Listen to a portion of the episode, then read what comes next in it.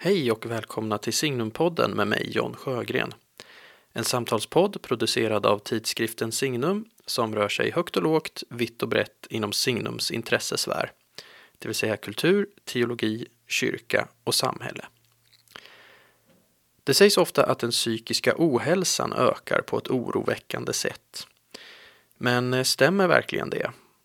En del menar snarare att det är sådant lidande som tidigare ansågs vara en naturlig del av det mänskliga livet som kommit att betraktas som sjukdom. Kan religiös tro, i synnerhet kristen tro och praktik, vara till hjälp i acceptansen av livets ofrånkomliga lidande? Och handlar inte frågan om psykisk hälsa i slutändan om den stora existentiella frågan? Vad är meningen med livet? Med mig för att samtala kring allt detta har jag Jan Byström, psykoterapeut och präst i Sankt Lars katolska församling i Uppsala. Hoppas ni ska finna samtalet intressant.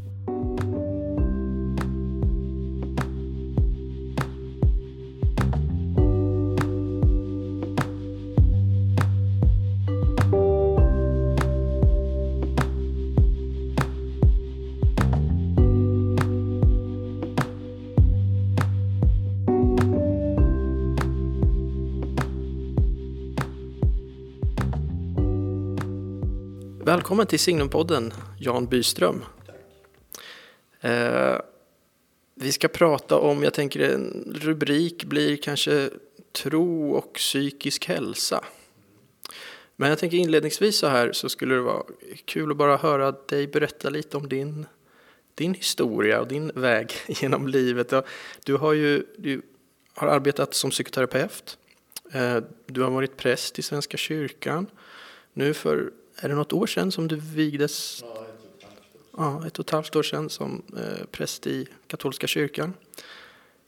Eh, hur ser den här, hur hänger det här ihop? Nej, alltså jag, jag har ju varit präst i Svenska kyrkan och prästvigdes ju väldigt ung. Jag tror att jag var bara 24 år eller något sånt där, om ens det. Eh, och Sen har jag arbetat i lite mer än 20 år. Eh, och under de sista åren då som studentpräst här i Uppsala. Och sen 1999 så bestämmer vi oss för att bli katoliker. Eh, jag och min fru och två, eller tre utav våra fem barn. Eh, och då hade jag ju inget jobb. Eh, utan av en ren händelse så hamnar jag ute på eh, Uppsala garnison, på F16 på flygflottiljen eh, och fick en liten deltidstjänst där på soldathemmet för att få lite ordning på biblioteket och sådär som fanns. Och när jag hade varit där ungefär ett halvår så fick jag en förfrågan om att komma in som personalkonsulent, som det heter, och arbeta med företagshälsovård. Det här var ju på den tiden en jättestor arbetsplats, alltså 800-900 anställda, så man hade en egen företagshälsovård. Eh, och där blev jag kvar och fick möjlighet då senare att också börja arbeta med värnpliktssjukvård. Eh, och efter några år så gick jag steg ett-utbildningen för att bli, alltså den grundläggande psykoterapiutbildningen för att bli KBT-terapeut. Eh, och efter ytterligare tre år, kring 2009 eller något sånt där, så, så gick jag den legitimationsgrundande utbildningen på Linköpings universitet. Eh, och ungefär i samma veva Eh, som jag var klar med den utbildningen så började jag arbeta på en vårdcentral i Uppsala. Eh, där jag blev kvar i ja, ungefär tio år. Då. Och det här att eh, du sedermera blev präst i katolska kyrkan, hur såg den eh, vägen ut? Eh, var det något som växte fram stegvis eller var det, hur kom det beslutet till? så att säga? Alltså det här var ju e- aktuellt redan kring 2006, 2007 eller något sånt där. Men då blev det ingenting. Eh, och sen blev jag så väldigt engagerad i mitt arbete. Eh, alltså dels på vårdcentralen men sen hade vi också ett, ett företag där vi utbildade psykologer och kuratorer i en, en vårdmodell för psykisk ohälsa i primärvården. Eh, och jag upplevde det här väldigt, väldigt positivt, att kunna tjäna Gud på det sättet. Mm. Så att eh, det var, var, väldigt, väldigt intensiva år egentligen.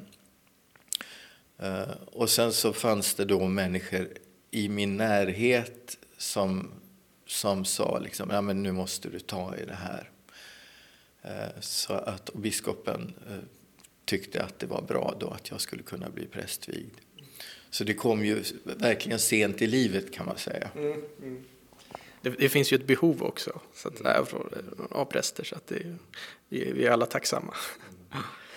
Eh, nej, om vi dyker ner lite i den här frågan då som, som jag tänker vi ska försöka bena lite i idag. Men om vi börjar med det här med psykisk hälsa. Alltså det, det pratas ju mycket om psykisk ohälsa mm. idag tycker jag. Man hör ofta det att den psykiska ohälsan eh, den bara växer, det blir bara större och större och sådär.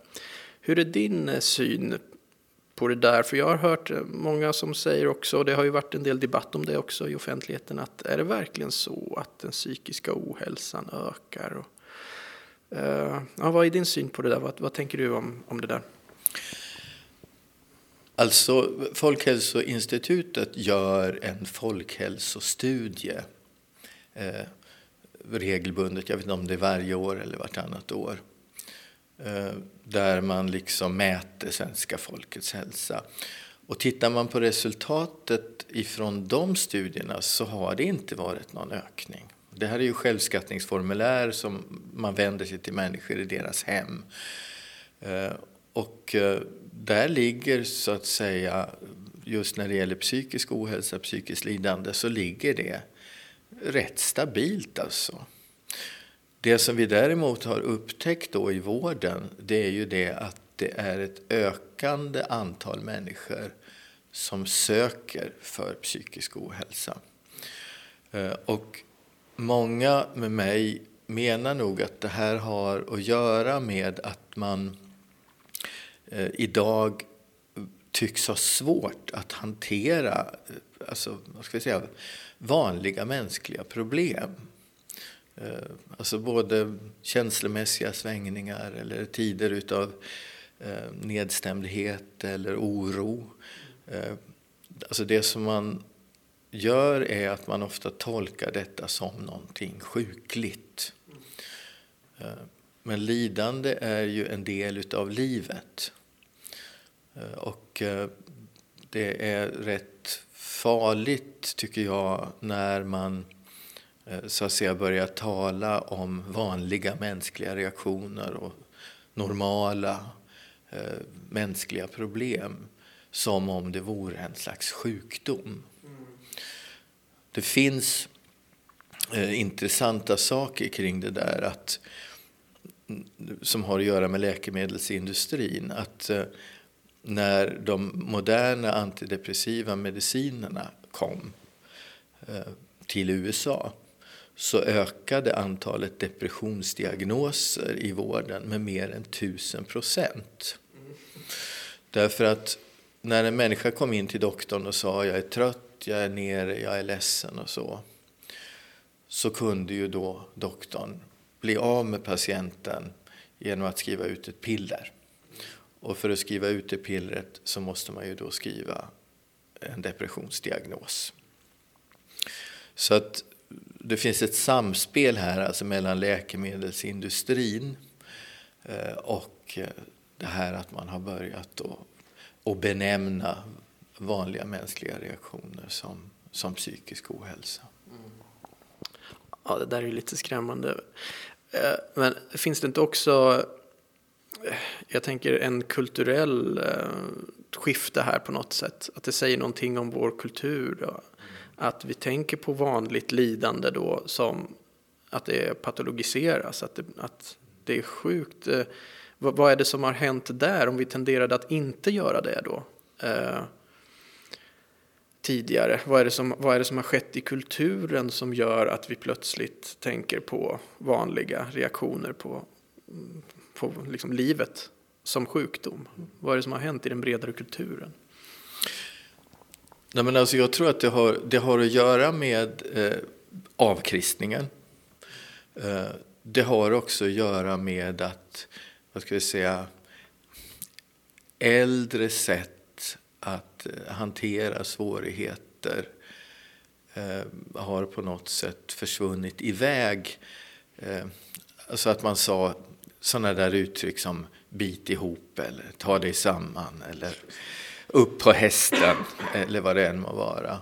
Eh, alltså den typen av förhållningssätt som nog har funnits i kulturen eh, har på något sätt försvunnit iväg. Och jag tror att anledningen till att de har försvunnit iväg är nog mycket konsumismen egentligen. Eh, att eh, alltså, man målar upp en bild utav att ett normalt eh, mänskligt liv alltid är bra och alltid är lyckligt.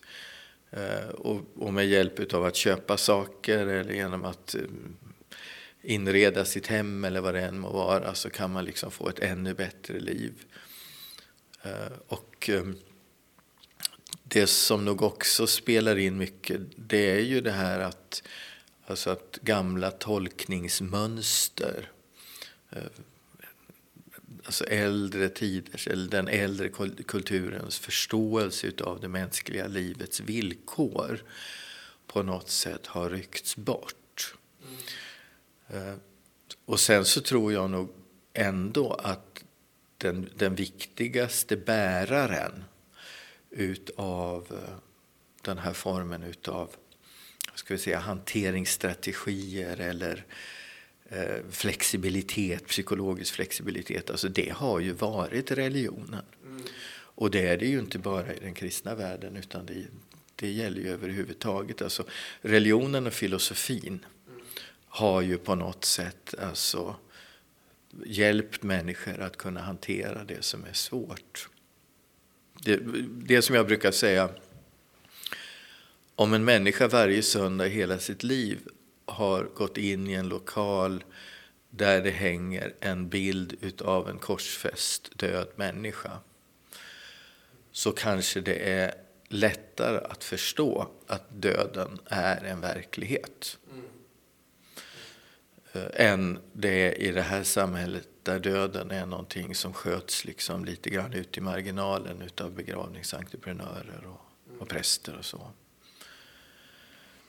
Ja, det där tror jag ligger mycket i att, att um, själva lidandet har uh, skjutits undan och det, det normalläget uh, anses vara att må toppen. uh, allt annat är sjukt. men det finns också i den här sekulariseringsprocessen som du, som du nämner en alltså det har, jag har upplevt det här i min generation i alla fall ganska mycket, att det finns nästan en sån här existentiell prestationshets, om du förstår. Mm. För att om man utifrån ett klassiskt religiöst perspektiv så finns det ju en mening med tillvaron som inte är eh, någonting som jag måste uppfinna. Utan den finns nedlagd i själva i, i verkligheten. Mm. Och det är min uppgift att upptäcka den. Och det är en himla skillnad på att upptäcka och uppfinna, tänker jag. Och om default-läget är liksom där det finns ingen mening egentligen, det är bara upp till mig att uppfinna min egen mening, skapa min egen mening utifrån det här i grunden liksom meningslösa livet. Det är en helt annan ingång alltså. Och tror jag en, en, en grund för eh, ja, men det jag kallar då existentiell prestationssätt. Eller att, vad, vad, finns det då att upptäcka? Vad finns det då? Jag, jag, tror att det är en bra grogrund för psykisk ohälsa. Sen kan man inte förklara det på, på, bara med det, men det tror jag också spelar in i detta. Alltså. Det som man ju har märkt också under senare år, alltså, det är ju det där att, att människor tror att, man ska, att det finns liksom genvägar till alltså mänsklig harmoni eller lycka. Eh, jag vet inte hur många gånger som jag har suttit med patienter som, som liksom sitter och spånar under ett samtal och säger att ja, jag måste börja träna eller eh, jag kanske ska läsa lite mer böcker eller eh, jag kanske ska börja med, med meditation eller eh, alltså att man, man, man på något sätt tror att man kan kasta in gästen i efterhand. Ja, eh, och, och där man på något sätt saknar eh, någon form av alltså, riktning eller mål i sina liv. Eh, och eh, överhuvudtaget så kan man säga att vi lever ju i en, i en kultur alltså, som väldigt, väldigt mycket handlar om kortsiktiga eh, förstärkare som vi säger som behaviorister. Alltså att man, man, eh, man köper någonting eller man, man gör något event eller man hittar på någonting. Eh, och att väldigt, väldigt mycket handlar om eh, det här att liksom få en ögonblicklig tillfredsställelse. Medan det långa perspektivet alltså saknas. Och då, och då, då tänker jag faktiskt inte bara på liksom religionens perspektiv eller trons perspektiv utan också alla människor har ju ändå, eller mår ju bra av att kanske fundera lite grann på vad vill jag med mitt liv? Mm. Vad är det för värden som är betydelsefulla för mig? Vad vill jag åstadkomma? Eh, och jag har många gånger träffat patienter och frågat dem liksom, alltså, vad är det som är viktigast i ditt liv eller vad känner du att du är på väg? Och där väldigt många säger det har jag aldrig tänkt på. Så det är det här liksom kortsiktiga från dag till dag. Och då kommer ju också sådana väldigt destruktiva lösningar, saker som, eh, alltså som droger, alkohol eh, och sådana saker in. Eh, som någon sa, liksom, jag, jag lever för helgerna. Det är, liksom, det, det, är liksom, det är mitt liv. Jag står ut i veckorna med jobbet och sen är det helgen. Ja, men det säger ju ganska mycket. Jag tycker det finns så mycket, mm, för det här psykologiska går in så mycket i det, i liksom det civilisationskritiska också. För vad är det då för, om, om människor upplever att det är så, att veckorna då, liksom arbetsveckorna, är meningslösa. Eh, I någon mening kan inte det bara vara individens problem. Det måste ju vara... För individen är ju alltid liksom insatt i ett större sammanhang. Och vad, vad är det liksom för kultur vi lever i som inte kan eh, erbjuda större mening? Liksom? Men om man säger så, för jag, jag, jag, tänker ofta när det gäller de här eh, psykologiska frågorna så att väldigt mycket kokar ner till meningsfrågan. Alltså det måste finnas en mening med livet. Om det så är på det individuella planet, alltså jag måste ha en mening med mitt liv. Men jag kan fråga mig då, kan man hitta mening i sitt liv om det inte är inneslutet i en större mening och så här.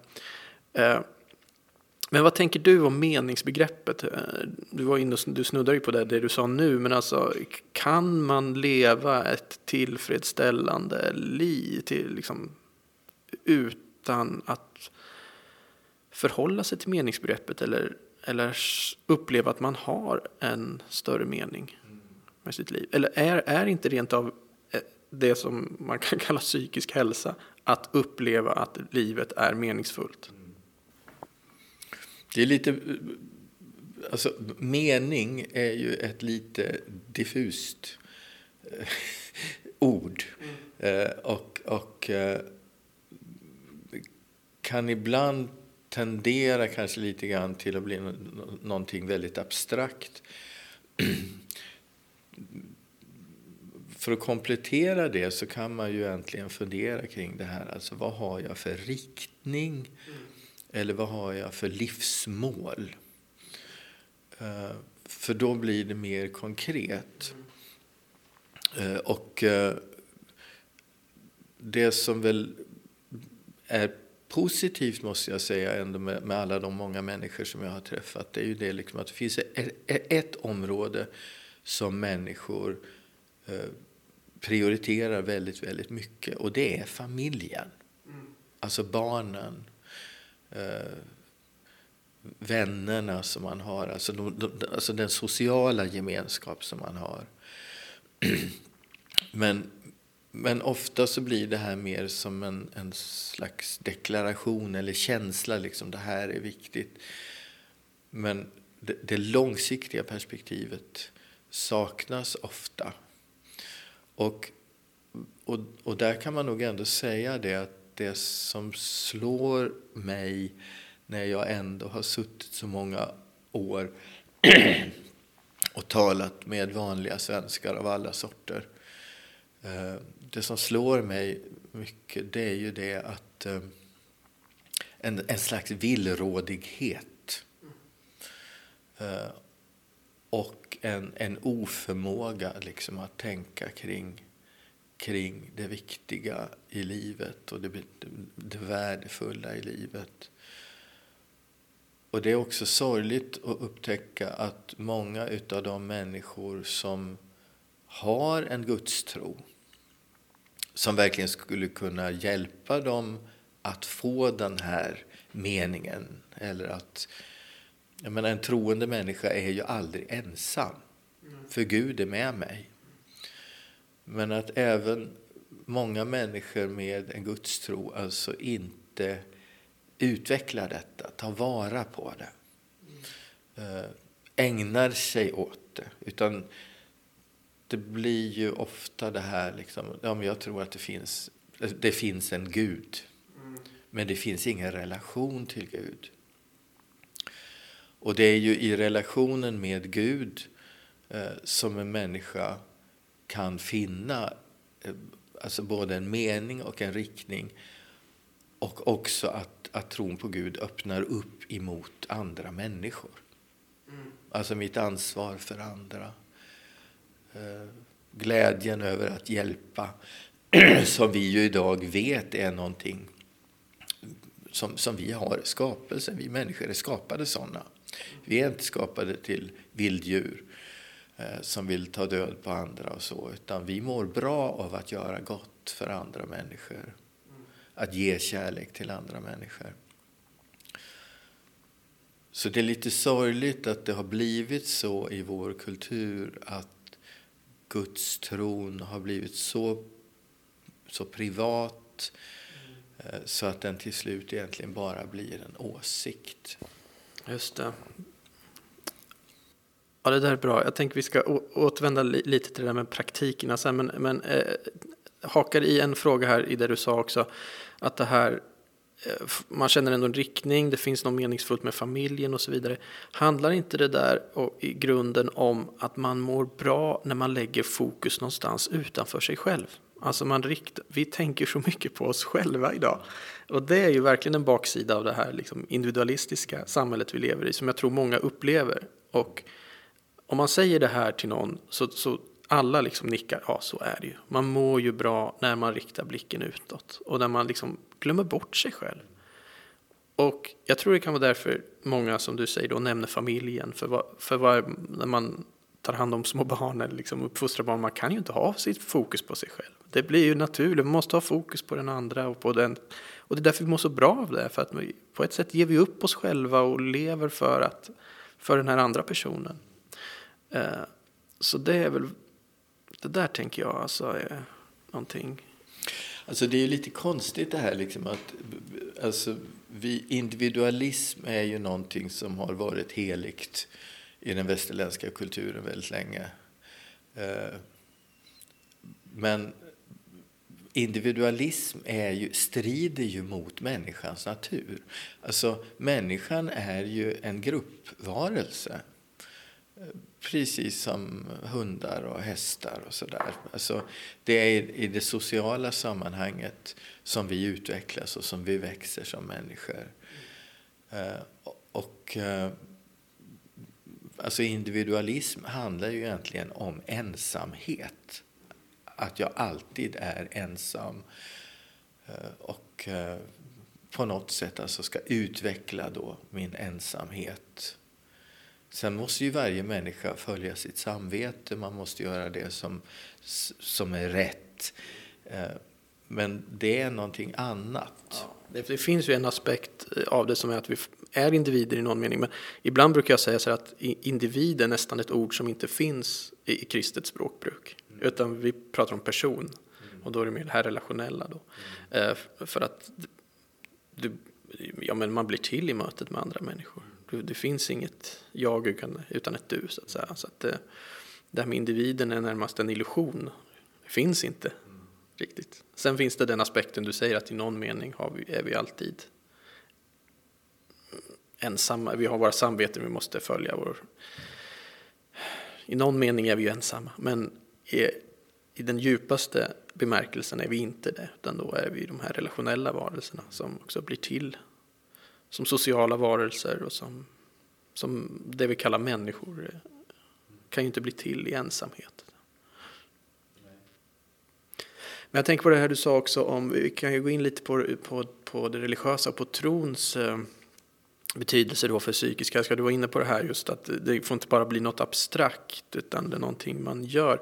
Går det här in lite i, i du har ju jobbat lite med den här ACT, det var väl det som du mm, ut, mm. utbildade i också? Act, ja. ja. För har, där har man väl ACT, ja precis. Mm. C är väl commitment. Mm. Uh, jag kanske bara vill börja säga något allmänt om, om ACT, mm. vad, vad det, den metoden går ut på. Acceptance and commitment therapy. Ehm, det, det, här är ju, en, man brukar tala om tredje vågens KBT.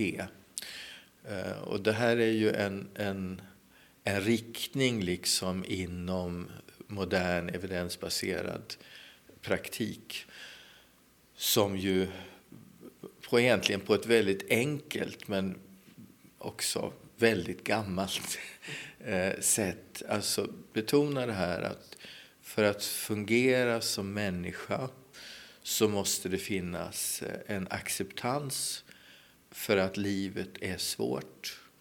Eh, att jag inte alltid får det som jag önskar mig. Att människor är, kan vara knepiga och jobbiga. Eh, acceptans betyder inte att jag säger att det är bra utan det att jag accepterar att det finns. Eh, och att, och att livet ser ut på det sättet och att lidandet är en del av livet, en, en fullständigt ofrånkomlig del av livet. Och det är acceptans. Commitment, alltså där handlar det ju om handling. Eh, och där tror jag att det som vi ofta har upptäckt i, den kliniska, i det kliniska arbetet, det är precis det som du säger. Att när en människa när en människa så att säga, lämnar det här projektet, jag ska alltid själv må bra och börjar rikta sin uppmärksamhet emot andra människor, eh, vad det än må vara, eh, så förs man ut ur sig själv eh, och hittar sig själv. Så just balansen emellan detta att faktiskt kunna acceptera det som är svårt och inte fastna i det i grubbel och oro och sådär. Men också att kunna rikta sig eh, emot så att säga, vad, är meningen med mitt liv? Vad vill jag åstadkomma? På de olika livsområdena där jag finns. Alltså att, jag, vet, jag hade en patient en gång som riskerade att bli uppsagd. Eh, och så pratade vi lite grann om det här med att välja ett nytt yrke eller göra en ny karriär. Eller så där. Och då sa han så här, ja du lever för att arbeta, men jag arbetar för att leva. Mm. Och det där är ju så sorgligt på något sätt. Alltså, två människor kan ha precis samma arbetsuppgifter. Men man ser det på totalt olika sätt. En del ser det som ett sätt att dra in pengar.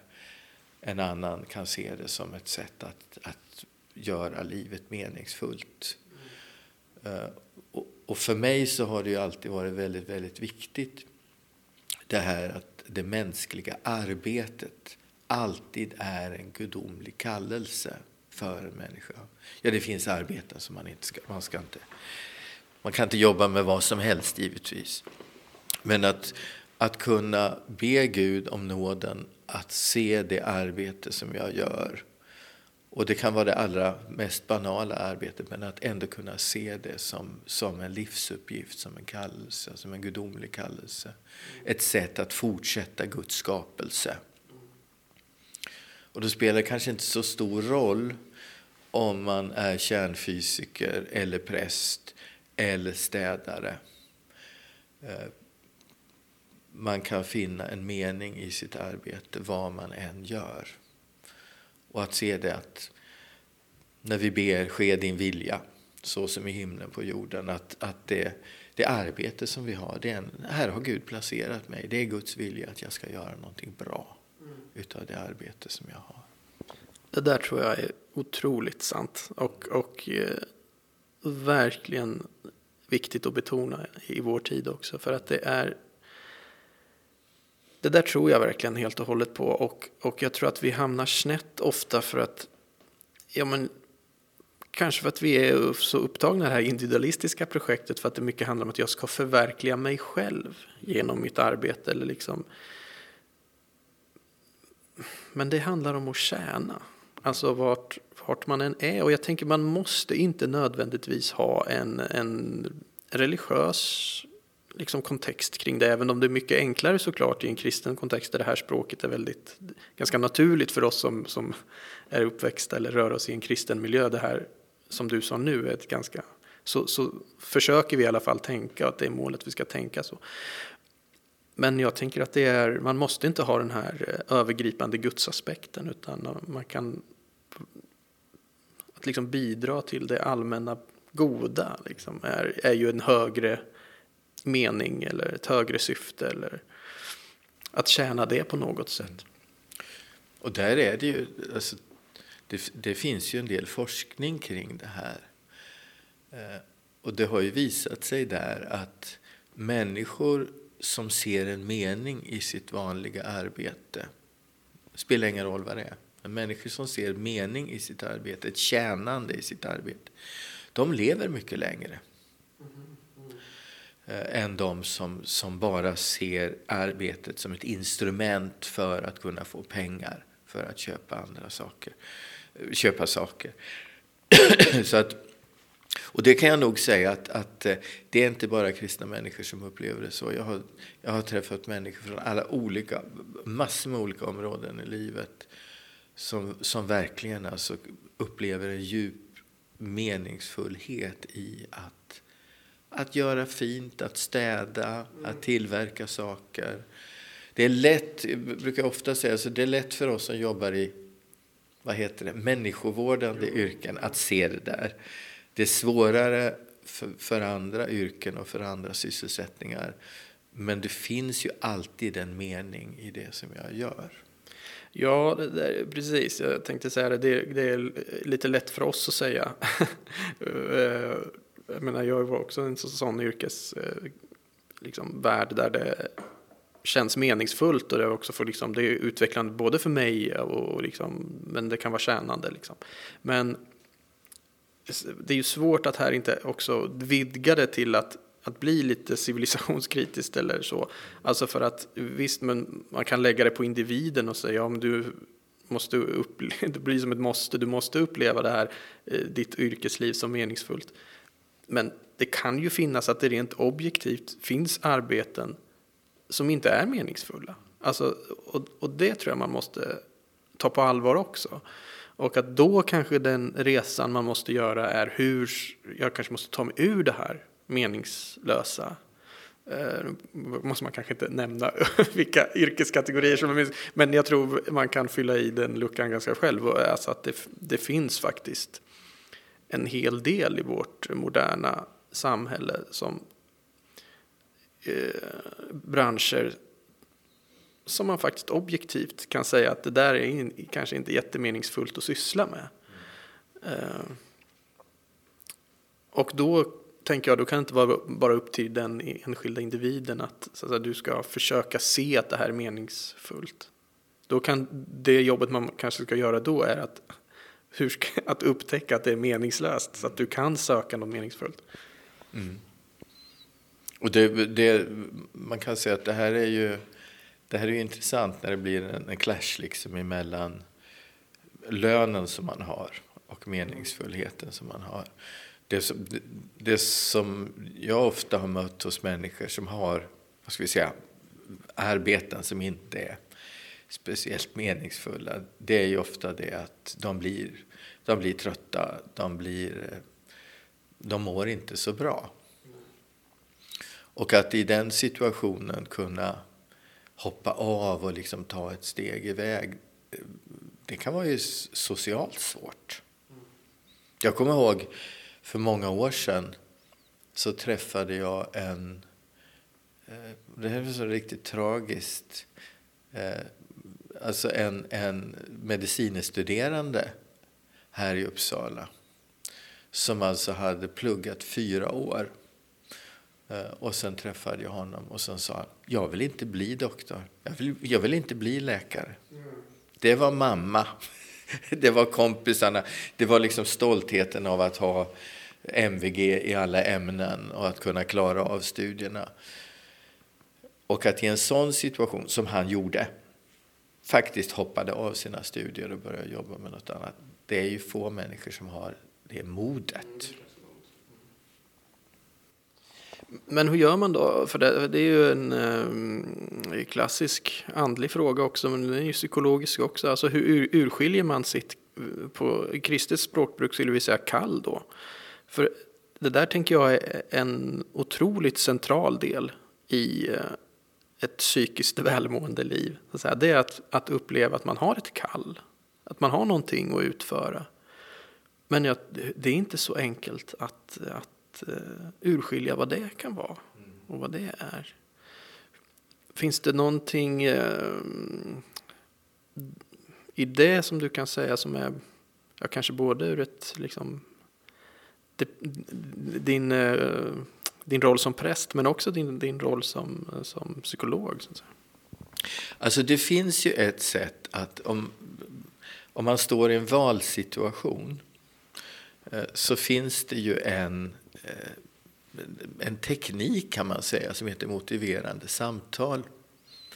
Som är väldigt intressant därför att den, den har väldigt bra koppling till Ignatius faktiskt och hans spiritualitet i de här livsvalen.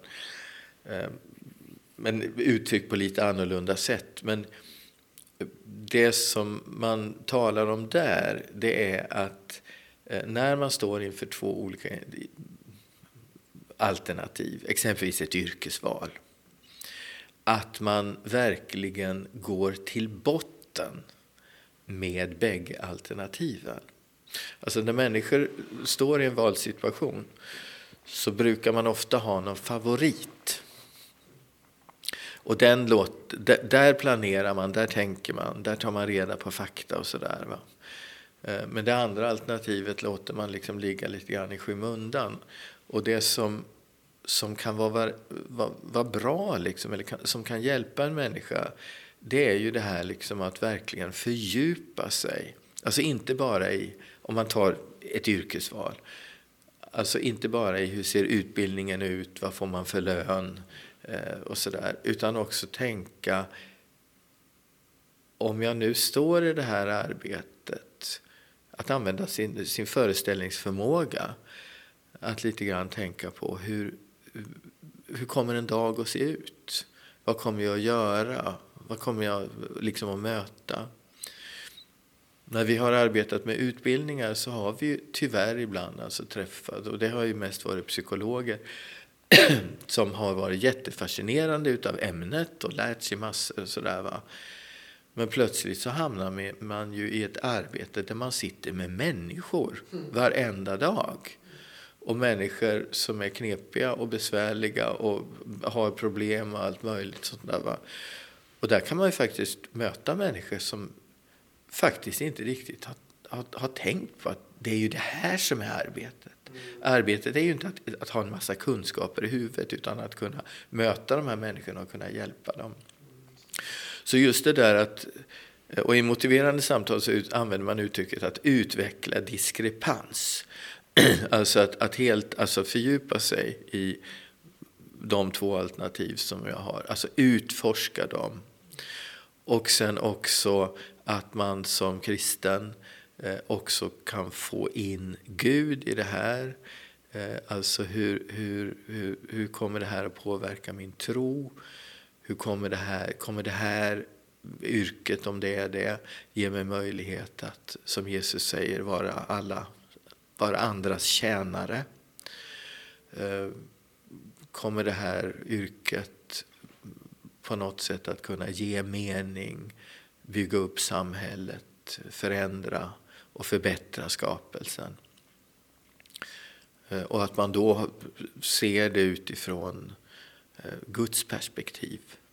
Hur ser Gud på det här när jag går där till mitt arbete på morgonen? Så just det där att, att, att i valsituationer på något sätt kunna utveckla i vilken riktning jag ska gå genom att fördjupa mig i, också rent praktiskt i det som man, som man tänker sig att göra och väljer emellan. Eh, jag tänker i det där finns det också föreställningen om att vara en del av ett större narrativ och ett större berättelse. Och det är kopplat till meningsfrågan också. För då, alltså om man tänker att det finns en roll för mig att spela. Jag måste inte uppfinna min egen roll, utan det finns någonting, det finns potentialer nedlagda i mig som jag det är inte på det deterministiska sättet. Jag har min fria vilja och jag kan välja och jag kommer ställas inför val. Men det finns någonting nedlagt i mig, någon slags liksom roll är jag ändå ämnad att spela i det här stora världsdramat. Hur liten den än är, men det är viktigt att jag, att jag gör det. Det är viktigt, inte, liksom inte bara för mig, det är viktigt för världen. Eh, så för mig i alla fall har, har det här liksom narrativa tänkandet varit eh, väldigt hjälpsamt. Jag tycker det kan hjälpa. Jag vet det finns väl så narrativ psykologi och så också. Mm, tänka sin livsberättelse och sådär. Men jag tänker för att ens egen livsberättelse ska bli meningsfull och i rätt riktning så eh, kan det vara en väldig hjälp i alla fall om man tänker sig att man är faktiskt min livsberättelse inkluderad i en ännu större liksom, kosmisk, Guds stora drama. Liksom då blir det verkligen meningsfullt. Då. Och det blir viktigt också. På ett sätt blir det tyngre för att det är viktigt. På ett, man slänger inte bort det. Liksom. Och ska man kunna se det så är det ju också viktigt att kunna att faktiskt kunna fundera igenom. Att se på sitt liv som en berättelse. Eh, att, att, att kunna se eh, att kunna se Guds spår genom allt det som jag har gjort, omständigheter som har lett till det ena och det andra. Att kunna se liksom Guds hand i det som jag gör. Eh, och att också, så att säga, när jag tittar tillbaka, kunna se detta. Vilket ju också gör det lättare att kunna se framåt. Mm. Och där, där kan jag ju faktiskt säga det att när man pratar om det här med riktning eller commitment och så, va, så är det ju alltid mycket enklare som terapeut att träffa troende människor. Mm. Därför man har ett livsmål. Det är ju himlen som är, som är livsmålet. Det är gemenskapen med Gud som är livsmålet. Men med det så följer ju också det här eh, jag ska, jag ska leva mitt liv i kärlek till andra människor. Jag ska ta ansvar för den värld som vi lever i. Eh, och, och eh, det där kan man väl säga egentligen, kan jag tycka var rätt fint. Jag har ju vuxit upp i Småland. Eh, alltså det, det frikyrkliga vittnesbördet. Mm. Eh, som ju, som ju alltid förekom när man gick på frikyrkomöten och sådär. Alltså just det där att, någon, att man berättar om sin väg till Gud. Eh, och, och om sitt liv. Eh, och det, det, det, finns en väldig styrka i det där. För det gör ju också att jag ser mig själv. Alltså det är inte bara ett egoprojekt, mitt liv. Utan jag sätter in det i ett större sammanhang. Ja, visst. Eh, jag tänker på en eh, aspekt här som jag, vi måste lyfta. Vi var väl inne på den eh, lite i början här nu, pratade om lidandet och att vi måste kunna, vi har liksom trängt undan lidandet lite grann. Eh, det är lite kopplat också till det här som, om man ska tala i jungianska termer, skuggsidan i oss. Eh, I Jung är en sån här tänkare som, som har betytt en del för mig. Eh, och det där tycker jag också man kan se i, hos många människor idag och lite i samhället överlag. Alltså du var inne på det här att, att vi ska ha så lyckade liv och, och, och visa visar gärna upp det i sociala medier och så vidare. Och liksom det som är det självklara att vi ska må bra. Så eh, men det, kopplat till det är också det här som Jung pratade om att vi, vi har en skuggsida i oss som är också en destruktiv sida, alltså en, en, en mörk sida. Alla människor har det inom sig och det måste man, eh, man måste liksom fejsa det och acceptera det. Man måste till och med integrera det på ett, på ett eh, meningsfullt sätt inom sig och kunna hantera det och göra det till något kreativt och sådär. Eh, jag tänker att det där har förträngts lite idag i kulturen.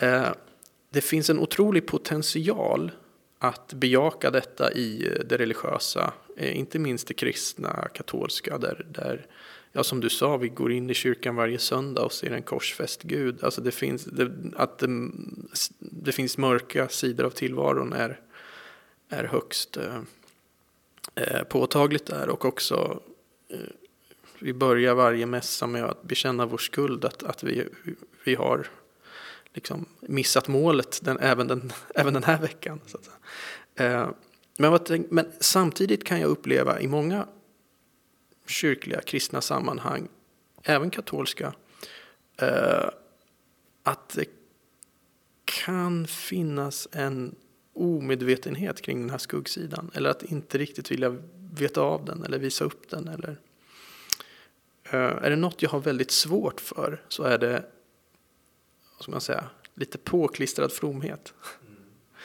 Mm. Uh, ja, vad tänker du om detta med, med liksom det, att, att den psykiska hälsans koppling till att också acceptera det mörka inom en?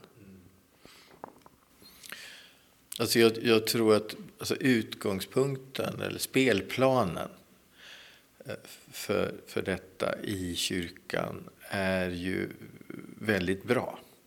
Alltså det, I ett samhälle där ju många människor har väldigt svårt att erkänna sina fel och brister. Alltså lyssna bara på politikerna. Det blir som en parodi liksom på mänsklig existens många gånger. Men, men att, att man liksom varje söndag läser de här orden. Detta är min skuld, min skuld, min egen stora skuld. Eh, att man eh, när man biktar sig så att säga får tänka igenom sitt liv och se på det eh, på en viss distans. Alltså för, för, för en självrannsakan är ju egentligen inte i första hand att man liksom tittar, här är reglerna, kan jag, kan jag, kan jag liksom kryssa för det här eller kan jag bocka för det här, har jag levt så här? Utan självrannsakan är ju egentligen ett sätt att ta ett steg tillbaka och se på sitt eget liv och sin egen existens och sina handlingar med Guds ögon, men också med andra människors ögon. Så att förutsättningarna finns ju i, i, alltså i den kristna församlingen egentligen, i den katolska gudstjänsten. Just att, att få det här perspektivet. Eh, där man, där man är medveten om ja, det som Jung kallar då för skuggsidan eller, eller det mörka. Och det, det är ju också betydelsefullt då att en människa kan eh, inte bara lägga märke till att jag är en syndig människa men att man också måste arbeta med sig själv. Mm. Och att man så att säga, måste ta itu med det. Alltså, där kan man tala om commitment. Uh, sen är det ju just när man talar om lidandet så, så tror jag det är viktigt också att, att tänka på de människor som drabbas av lidande. Eh, alltså av sjukdom, av ständig smärta, av eh, tragiska händelser liksom i, i livet, i familjen, i vänkretsen. Eh, det lidande som kommer, som ju många lever med. Eh, man har barn som misslyckas med sina liv. Man har eh, Eh, människor i sin omgivning som, som är sjuka. Man kanske själv eh, plågas av oro, fysisk smärta. Och där finns det ju en, en, en stark tradition som man kanske inte pratar så mycket om idag. Eh, en stark tradition att det här, det finns ett uttryck på Irland när man möter någonting som är jobbigt eller svårt. Offer it up. Mm. Alltså att kunna offra sitt lidande, sin fysiska smärta, eh, sin oro, sin rädsla. Att kunna offra det åt Gud, att förena det med Kristi lidande på korset. Eh, att kunna förstå att det var detta som Jesus bar i sin kropp. Det lidande som han som jag bär, det är jag inte ensam om utan det lidandet är också infogat i Kristi lidande på korset. Får jag berätta en historia som jag tycker är...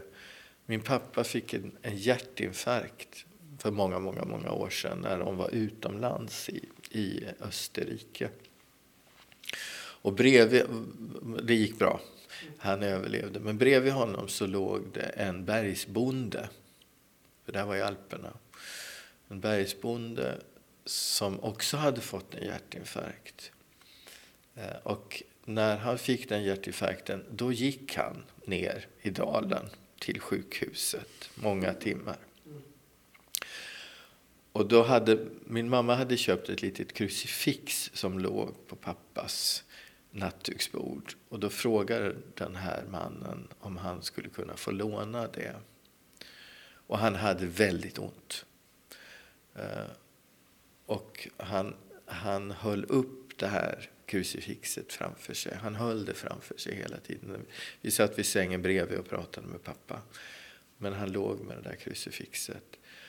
Och det här är ju alltså det här är så, så fint liksom och så bra. Att när jag har mitt lidande, när mitt liv är så svårt, när jag har outhärdligt ont, att ändå känna och tro att det här lidandet har Kristus burit i sin kropp. Det, det, fysiska lidandet har han burit i sin kropp. Det här är en form av spiritualitet som jag tror var, var väldigt vanlig förr. Som man talade om, som man predikade om. Det fanns böner, alla möjliga sådana saker. Vi skulle nog behöva lite mer av det. Mm. Eh, därför att det finns verkligen människor som lider. Det finns människor som har ett fruktansvärt liv.